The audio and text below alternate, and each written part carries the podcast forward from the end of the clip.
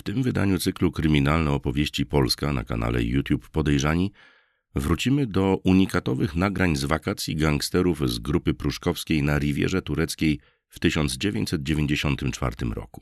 Które to nagrania kilka lat temu opublikowaliśmy jeszcze w programie Mafia to nie tylko Pruszków. Do dziś zebrały one ponad 3 miliony odsłon. Zobaczycie na nich m.in. jednego z bosów Pruszkowa, Andrzeja Z, pseudonim Słowik, z ówczesną żoną Moniką, późniejszego świadka koronnego Jarosława S, pseudonim Masa, czy nieżyjącego już Wojciecha K, pseudonim Kiełbasa.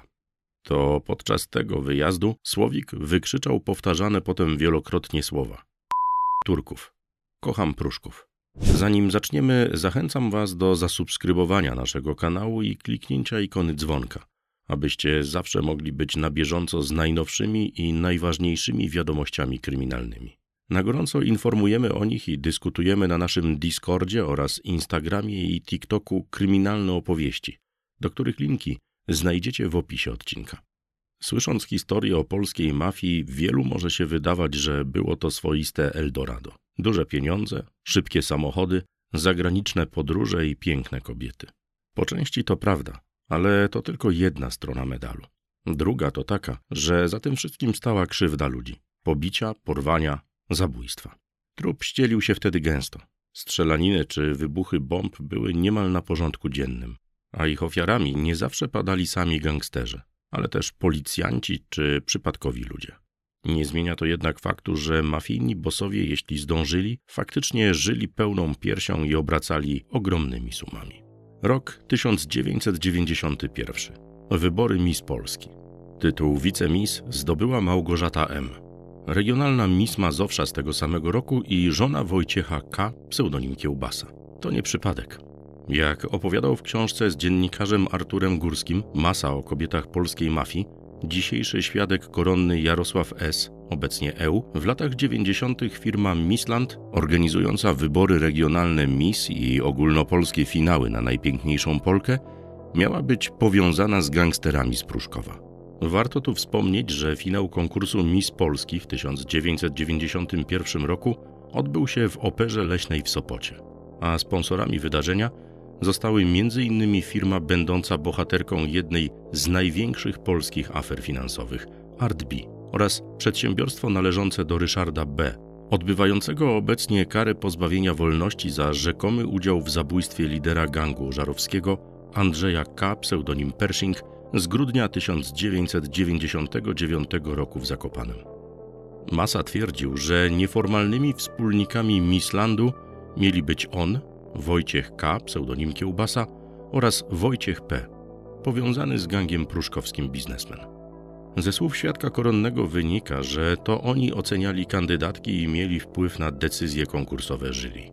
Nie ukrywał też, że droga do wygranej prowadziła przez łóżka gangsterów. Rok 1994. Riviera Turecka. Gangsterzy z Pruszkowa, w tym jeden z szefów grupy Andrzej Z, pseudonim Słowik, Jarosław S, pseudonim Masa, Wojciech K, pseudonim Kiełbasa, czy Wojciech P oraz ich rodziny i dzieci wyjeżdżają na wakacje. Bawią się na całego, a wszystko nagrywają kamerą.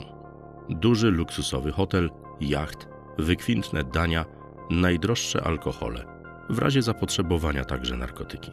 Jak twierdził w jednym z wywiadów świadek koronny Masa, takich wyjazdów było kilka w ciągu roku, głównie w ciepłych kierunkach. Obok Riwiery Tureckiej, na Wyspy Kanaryjskie, Seszele czy Dominikanę. W kraju mafiozi mieszkali w okazałych willach. Dom Masy w Komorowie na osiedlu Ostoja miał 440 m2, fontannę w holu, akwarium z piraniami oraz basen. Dom w Ożarowie Mazowieckim, należący do Andrzeja K., pseudonim Pershing, bossa tzw. Tak grupy ożarowskiej, powiązanego z Pruszkowem, liczył 220 m2 powierzchni. Również posiadał basen, a nawet kort tenisowy. Gangsterzy nie oszczędzali także na samochodach. W garażach bossów królowały Mercedesy klasy S, np. Mercedes W140 i BMW serii 7, np. BMW 750 a żołnierze jeździli nieco słabszymi modelami, np. Mercedesem klasy E, jak E320 czy Audi 80. Skąd mieli na to pieniądze? Typowo bandycka działalność, jak wymuszenia haraczy, pożyczki na wysoki procent czy kradzieże samochodów, czym zajmowali się szeregowi żołnierze grupy, stanowiły tylko krople w morzu zysków.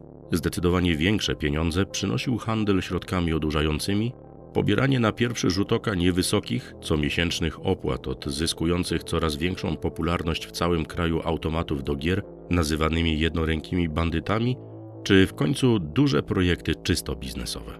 20 listopada 1993 roku. Z portu La Guardia w Wenezueli wypłynął kontenerowiec polskich linii oceanicznych Jurata. Jego celem była Gdynia. Nieco ponad dwa miesiące później, 24 stycznia 1994 roku, statek wpłynął do portu Birkenhead w Wielkiej Brytanii. Na pokładzie znajdowały się różne ładunki, w tym kilkadziesiąt beczek z lepikiem oraz dachówki, przeznaczone dla działającej od października 1993 roku firmy Medglob, posiadającej magazyny we wsi Majdan nieopodal Wiązowny. Brytyjscy celnicy zauważyli, że same koszty transportu tego towaru były wyższe niż jego wartość. Szybko okazało się, że to tylko przykrywka do przemytu 1190 kg kokainy o wartości sięgającej 470 milionów dolarów. Środki odurzające, które miały trafić przez Polskę na rynki Europy Zachodniej, zabezpieczono, a statek wyruszył w dalszą drogę. W lutym dopłynął do portu w Gdyni. Po towar zgłosił się pełnomocnik firmy Medglob Krzysztof O. z Piaseczna. Poza nim na miejscu zjawili się gangsterzy z grupy pruszkowskiej, ale byli już obserwowani przez funkcjonariuszy policji oraz Urzędu Ochrony Państwa. Lepiki dachówki faktycznie trafiły do magazynów we wsi Majdan, a wokół firmy i Krzysztofa O. mieli zacząć kręcić się podejrzani ludzie. Chcieli odzyskać część kokainy za 30 milionów dolarów. Na tyle opiewało wynagrodzenie Pruszkowskich za pomoc w organizacji przemytu. O twierdził, że nie wiedział o narkotykach i został nieświadomie wykorzystany. Przydzielono mu nawet policyjną ochronę. Śledczy udowodnili mu jednak, że firma Medglob była fikcyjna i powstała tylko na potrzeby przerzutu kokainy. Nie zajmowała się niczym innym. Krzysztof O. zasiadł na ławie oskarżonych z Leszkiem D., pseudonim Wańka, jednym z bosów grupy pruszkowskiej uważanym za mózg operacji przemytu oraz siedmioma innymi osobami. W 2003 roku Krzysztofa O. sąd skazał na 13 lat, a Leszka D., pseudonim Wańka, na 11 lat pozbawienia wolności. W 2004 roku Sąd Okręgowy w Warszawie zmienił te wyroki na kary 8 lat pozbawienia wolności, a w 2011 roku Stołeczny Sąd Apelacyjny utrzymał je w mocy. 30 września 1994 roku. Właśnie została zarejestrowana spółka akcyjna Zielone Bingo. W gronie udziałowców znalazł się m.in. wspominany już biznesmen powiązany z grupą pruszkowską Wojciech P. Firma, zaczynając od Katowic, miała stworzyć sieć salonów gier i zakładów konkurencyjnych dla popularnego do dziś totalizatora sportowego. Dwa lata wcześniej salon gier Zielone Bingo próbował stworzyć na Śląsku Zbigniew S., pseudonim Simon, tamtejszy rezydent mafii pruszkowskiej, między innymi z Wojciechem K., pseudonim Kiełbasa. Oficjalnie firma część zysków miała przekazywać na ochronę środowiska, stąd określenie zielone. Wniosek odrzucono, ale potem do pomysłu powrócono na większą skalę. W ramach promocji zielonego bingo po mieście jeździły zielone tramwaje. Zorganizowano nawet koncert DJ-a Bobo w katowickim spotku. Celem spółki było wejście na giełdę, a dalej inwestowanie zarobionych na wyemitowaniu akcji pieniędzy, innymi w finansowanie kampanii wyborczych i partii politycznych, co w oczywisty sposób uzależniłoby włodarzy od gangsterów. Po roku firmę jednak rozwiązano, bo jej funkcjonowanie nie było na rękę Urzędowi Ochrony Państwa. Mówiono, że funkcjonariusze UOP prowadzili własną operację, w ramach której z tajnych funduszy resortowych planowali zakupić akcje debiutującej na giełdzie spółki Warta na podstawioną firmę. Ostatecznie śledztwo w tej sprawie umorzono. Przełom roku 1997 i 1998. W Warszawie przy ulicy Fort Wola otworzył się klub Planeta. Właścicielem był Masa, a lokal zorganizowano z prawdziwym rozmachem za blisko milion dolarów. Na trzech poziomach mogło pomieścić się 4000 gości, a wśród nich przewijali się ludzie z pierwszych stron gazet. Między innymi koszykarz Chicago Bulls Dennis Rodman, członkinię zespołu Spice Girls czy syn ówczesnego libijskiego przywódcy Muammara Kaddafiego. Występował tam DJ Bobo czy Modern Talking, inkasując za występy po 150 tysięcy dolarów. Imprezy transmitowała stacja telewizyjna MTV. W planecie zapadały też decyzje dotyczące konkursów Miss. Wśród bawiących się w lokalu nie brakowało seksu i środków odurzających, ale sama planeta miała być w pełni legalna. Jak twierdził Massa, koncerny tytoniowe, browary i inni dostawcy sami płacili za możliwość wstawiania swoich towarów do klubu. Rok 1998. Jarosław S., pseudonim Massa, i Andrzej K., pseudonim Pershing, boss grupy ożarowskiej, snuli plany o przejściu za kilka lat na całkowicie legalną działalność biznesową. Chcieli jeszcze zarobić i rozkręcić firmę Italmarka spółka z ograniczoną odpowiedzialnością.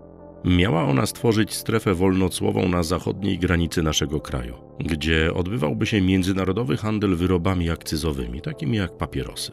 Jak twierdził Massa, z pomysłem i gotową firmą, działającą od 1997 roku w Żarnowcu, przyszedł do niego Aleksander G., senator z lat 1993-1997. Zamieszany w sprawie zaginięcia i śmierci dziennikarza Gazety Poznańskiej Jarosława Ziętary z 1992 roku. Aleksandra G. uniewinniono w 2022 roku od zarzutu podżegania do zabójstwa redaktora, ale prokuratura wniosła apelację. Miała ona zostać rozpatrzona w połowie 2023 roku. Aleksander G. i Masa poznali się za pośrednictwem jednego z liderów poznańskiego półświadka, Bogusława D., pseudonim Drex. Masa i Pershing mieli na rzecz interesu pożyczyć Aleksandrowi G. po milionie dolarów. Zdaniem późniejszego świadka koronnego miało się to opłacać, bo z szacunków wynikało, że tylko za pierwszy kwartał 2000 roku swojej działalności Italmarka powinna odprowadzić do budżetu państwa 1,5 miliarda nowych złotych podatku. Jarosław S., pseudonim Masa, zeznał, że prognozy te, jak i biznesplan Italmarki miał przygotowywać profesor prawa podatkowego Witold Modzelewski wiceminister finansów z lat 1992-1996. Oficjalnie nigdy tego nie potwierdzono, a Modzelewski zaprzeczał, by znał masę czy innego z gangsterów grupy pruszkowskiej. Tymczasem na początku lat 2000, kiedy Pershing już nie żył, zastrzelono go 5 grudnia 1999 roku w Zakopanem, a Masa od sierpnia 2000 roku był świadkiem koronnym, wobec Italmarki wszczęto postępowanie dotyczące m.in. wyłudzania podatku VAT, kredytów czy fikcyjnego obrotu papierosami. W działalność firmy byli zaangażowani politycy, m.in. ówczesny poseł AWS Marek K., czy senator z lat 1993-1997 Aleksander G. Ten pierwszy uciekł poza granice kraju tuż przed końcem kadencji. W maju 2002 roku zatrzymano go na Słowacji, gdzie funkcjonował udając księdza. Został tymczasowo aresztowany. W 2009 roku Sąd Najwyższy, oddalając kasację, utrzymał prawomocny wyrok wobec Marka K., skazujący go na 3 lata pozbawienia wolności i 10 tysięcy złotych grzywny za wyłudzenie przez nieposiadającą zdolności kredytowej firmę Italmarka blisko 4 milionów złotych kredytu. Wcześniej w innym procesie Marek K. był oskarżony o wyłudzenie niemal 40 milionów złotych w postaci kredytów i podatku VAT przez spółkę Italmarka i podmioty powiązane. W 2005 roku byłego posła AWS skazano na 9 lat więzienia, ale potem wyrok uchylono i w 2007 roku wypuszczono go z aresztu. Wrócił do niego w kwietniu 2011 roku i przebywał tam do lutego 2014 kiedy zapadł ponowny wyrok w sprawie 5 lat pozbawienia wolności i 90 tysięcy złotych grzywny. Sąd uznał, że karę więzienia zrealizowano w całości podczas tymczasowego aresztowania Marka K. Spędził za kratkami 8,5 roku, a karę grzywny w części. Co ciekawe, dziś w Żarnowcu nadal funkcjonuje spółka Italmarka, zarejestrowana w kwietniu 2009 roku jako Italmarka EU spółka z ograniczoną odpowiedzialnością z kapitałem zakładowym w wysokości 5 tysięcy złotych. Funkcję prezesa zarządu spółki pełni 61-letni Marek G., zaś jedynym udziałowcem spółki jest niespełna 43-letni Paweł Marek K.